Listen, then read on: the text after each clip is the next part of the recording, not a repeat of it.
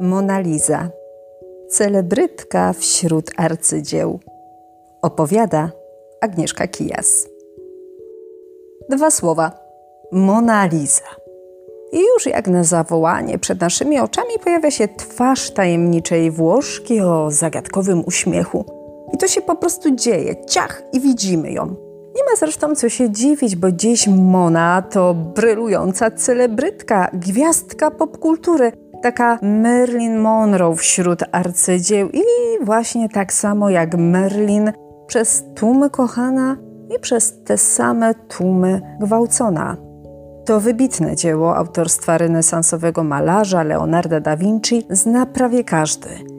Ale dziś ciężko jest na nią patrzeć tak po prostu, jak na zwykły obraz. No nie da się. Piękna Włoszka uśmiecha się do nas z kalendarzy, zeszytów, spod koszulków. Jej twarz jest wielokrotnie reprodukowana i wykorzystywana w reklamach, w internetowych memach, w karykaturach. Raz widzimy ją w roli grzecznej uczennicy, nastolatki w okularach z książką pod pachą bądź też ze smartfonem, a innym razem przeistacza się w seks bombę ubraną skórzaną sukienkę. Hmm? Niekiedy z kolei ma twarz świnki, pigi i to już jest dopiero szaleństwo. Innym razem występuje jako kotek, tak, Mon Katlisa. A aktualnie w dobie kryzysu związanego z koronawirusem Mona Lisa dba o siebie i zakłada specjalną maseczkę ochronną, choć niekiedy zmyślni graficy domalowywują jej maskę przeciwgazową i to już jest dopiero zabawne. I to jest fajne, to wszystko jest jak najbardziej na plus, bo dzięki temu łapiemy pewien dystans i łapiemy kontakt z arcydziełem, tylko w tym całym szaleństwie, choćby nie wiem jak pozytywnym, gubi się pewna prawda o obrazie. Ale dlaczego Mona Lisa jest tak znana? Co się zadziało, co sprawiło, że dziś z taką czcią podziwiamy portret, no powiedzmy to sobie szczerze, niezbyt urodziwej kobiety, tak na oko, no, może się wydawać, że nawet po czterdziestce. Jednak jakkolwiek by tego nie nazwać, to jest to obraz, którego właściwie nie da się zobaczyć. Jeżeli byliście w Louvre, to pewnie doskonale wiecie o czym mówię, bo w sali, w której eksponowana jest Mona, można poczuć się tak, jak gdybyśmy byli na koncercie gwiazdy rocka i to takiej z najwyższej półki. Nasza celebrytka wisi na środku sali, na specjalnie przygotowanej do tego celu ścianie, na takim panelu. I teraz najlepsze. Nie dość, że schowali ją za grubą kuloodporną pleksą, nie dość, że odgrodzona jest od tłumu barierką schromowanych rurek, to jeszcze dodatkowo ustawiono taką specjalną, ruchomą barierkę, takie słupki, które są połączone ze sobą za pomocą czerwonej taśmy, takiego czerwonego sznurka i w zależności od ilości zwiedzających, którzy w tym momencie są na sali, ochroniarze tę barierkę przysuwają lub oddalają. Czyli jeżeli mamy pecha, to stoimy naprawdę, nawet jeżeli jesteśmy w pierwszym rzędzie, dość daleko od tej mony, nawet niekiedy 4-5 metrów dalej. To jest duży dystans. Myślę, że nie trzeba dodawać, że naszej gwiazdy niemal nie widać. Nie widać, bo zawsze stoi przed nią tłum gapiów. No a może raczej powinnam powiedzieć tłum paparazzi, bo spójrzcie na to tak. Wszystko się właściwie zgadza. Mona Lisa, czyli nasza gwiazda, jak na typową celebrytkę przystało, wdzięczy się na ścianie, a może właściwie powinnam powiedzieć na ściance fotoreporterskiej i napiera na nią tłum wiernych fanów, którzy są właśnie jak tacy nachalni paparazzi, ponieważ celują w naszą Monę obiektywami swoich aparatów, smartfonów. A przecież w Louvre wiszą jeszcze inne trzy równie znakomite obrazy autorstwa Leonarda da Vinci. Jest tam święta Anna Semotrzecia, Jan Chrzciciel, Madonna wśród skał. I idąc korytarzem, który prowadzi do tej sali, w której jest przechowywana bogini malarstwa, można właśnie natknąć się po drodze na te dzieła. I widać wówczas, jak bardzo mało osób przy nich stoi. Najczęściej są to albo znawcy tematu, pasjonaci, albo są to studenci malarstwa, którzy akurat przyszli, żeby bardziej przyjrzeć się tym pracom. Ale na co dzień nikt ich aż tak nie podziwia, prawie nikt ich nie zauważa. Podobnie jest z koncertem wiejskim Tycjana. On również ma pecha, bo wisi po drugiej stronie ekranu z Giocondą i tam już zupełnie nikt nie zagląda. Ale z taką gigantką nie może się równać nawet tak monumentalne dzieło jak Wesele w Kanie. To jest długi na 6,5 metra i szeroki na blisko 10 metrów kolos, a przy pięknej Włoszce wygląda ledwie jak tło i to w dodatku wyblakłe nie ma z nią najmniejszych szans.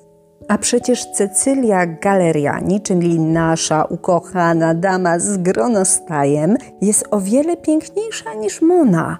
Ma wdzięczniejszą twarz, łagodniejsze rysy, a jednak w konkursie piękności wygrywa Mona Lisa. A przecież wcale nie jest piękniejsza. To taka nieco pulchnawa, rozleniwiona mieszczanka. Zatem dlaczego? Dlaczego z taką czcią podziwiamy akurat ten portret, a nie inny. No, musimy cofnąć się w czasie do 22 sierpnia 1911 roku, gdy Louis Barou, francuski malarz, szedł do Louvru. Robił tak codziennie. Codziennie każdego ranka odwiedzał to muzeum i zawsze szedł w to samo miejsce.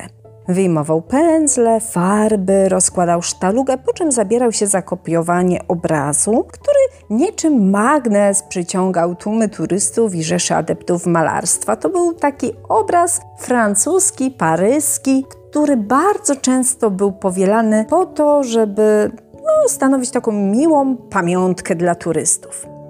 Ale tego dnia, zamiast najpiękniejszego kobiecego portretu, Louis zastał pustą ścianę, z której wystawały cztery metalowe haki.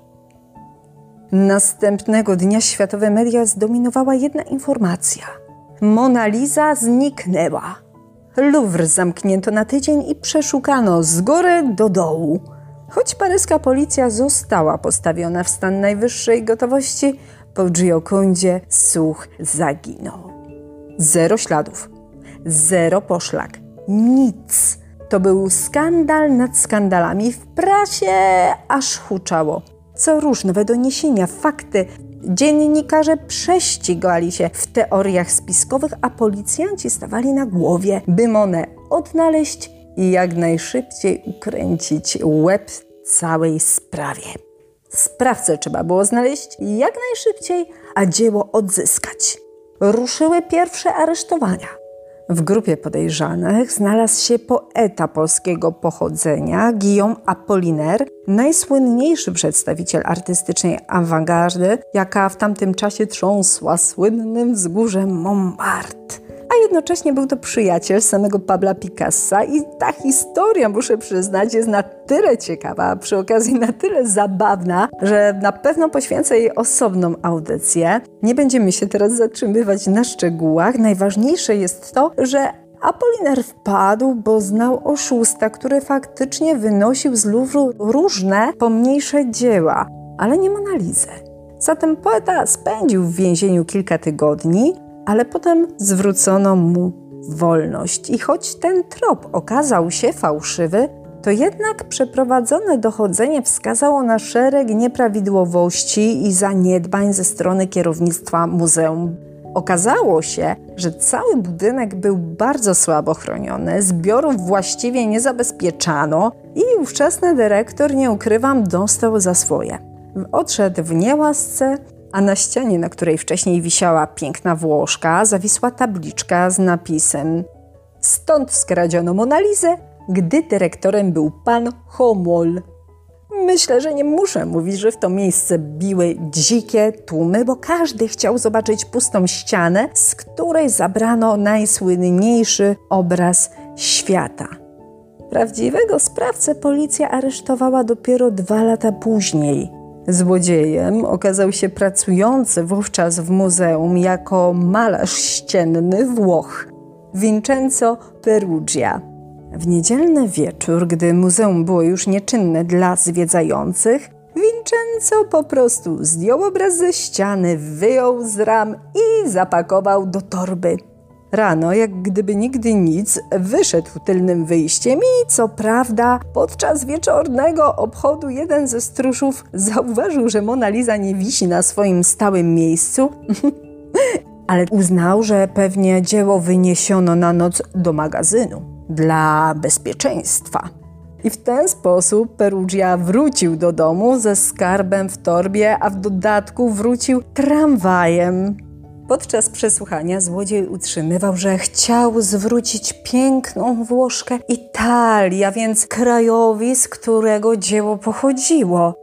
Tym wyznaniem oczywiście zaskarbił sobie serca wszystkich Włochów, a przy okazji łaskę sądu.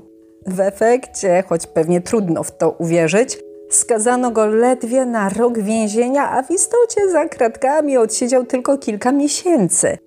Niemniej jednak, choć to wyznanie było bardzo romantyczne, a ta coba zuchwała kradzież niejako można powiedzieć, że wpisywała się w taki wizerunek złodzieja, Włocha, nieudacznika, patrioty, to ta prawda, ta rzeczywistość była zgoła odmienna, przedstawiała się inaczej. Otóż Vincenzo próbował sprzedać Monalizę za pół miliona lirów ówczesnemu dyrektorowi florenckiego Muzeum Uffizi. Przezorny dyrektor wraz z antykwariuszem stawili się w takim dość paskudnym, obskurnym pokoiku hotelowym, aby oglądnąć dzieło. Perugia wyciągnął spod hotelowego łóżka walizkę, otworzył ją, a tam jakieś same szpargały, jakieś farby, pędzle i inne przybory malarskie. Goście popatrzyli po sobie i mieli już wyjść, no bo właściwie już nawet przychodząc na to miejsce, to nie mieli raczej złudzeń, że zobaczą tam arcydzieło, szli tylko po to, żeby nie było. Już mieli właśnie opuścić pokój, gdy wtem okazało się, że walizka ma drugie dno. I w niej faktycznie była Mona Lisa. Dyrektor i antykwariusz podpuścili Perugię i powiedzieli mu, że przed dobiciem targu, przed zakupem dzieła, eksperci muszą przeprowadzić jego analizę i sprawdzić, czy jest to autentyk. W tej całej nieprawdopodobnej historii najzabawniejsze jest jednak to, że gdy opuszczali już hotel, zatrzymał ich czujny portier i powiedział tak: Panowie, przepraszam, co wy tam wynosicie? Ja muszę sprawdzić, czy aby nie macie ze sobą własności hotelu. No i wówczas dyrektor, taki trochę przerażony, otworzył swoją walizkę i pokazał, że jest w niej Mona Lisa. Portier nie rozpoznał dzieła i powiedział: E, takie coś to u nas nie wisiało. I właśnie okazało się, że ten portier okazał się na dobrą sprawę czujniejszy niż stróżowie i kustosze w Luwrze. Tym sposobem w 1914 roku Mona Lisa wróciła do Luwru z uśmiechem na ustach. Dziś mało kto z nas pamięta, że to nie ten uśmiech ale właśnie ta kilkuletnia nieobecność przyczyniła się do współczesnej sławy obrazu. Jeżeli o tej sławie mowa, to idę o zakład, że gdyby Mona Lisa umiała mówić, to powiedziałaby nam zapewne coś w tym rodzaju. Wielka sława to żart. Tak ogromna popularność, która stała się jej udziałem, to dla dzieła sztuki niekoniecznie błogosławieństwo. Mona spotkał żałosny los. Jej wizerunek tak bardzo się nam opatrzył i trudno nam spojrzeć na nią tak jak na zwykły obraz, namalowany przez zwykłego mężczyznę, przed którym na krześle siedziała zwykła kobieta z krwi i kości. Dzisiaj, stojąc przed nią w Lubrze, wśród tłumu zwiedzających, czujemy lekkie zażenowanie, lekkie onieśmielenie. Jesteśmy nawet być może przytłoczeni sławą wizerunku, którego właściwie nie widać.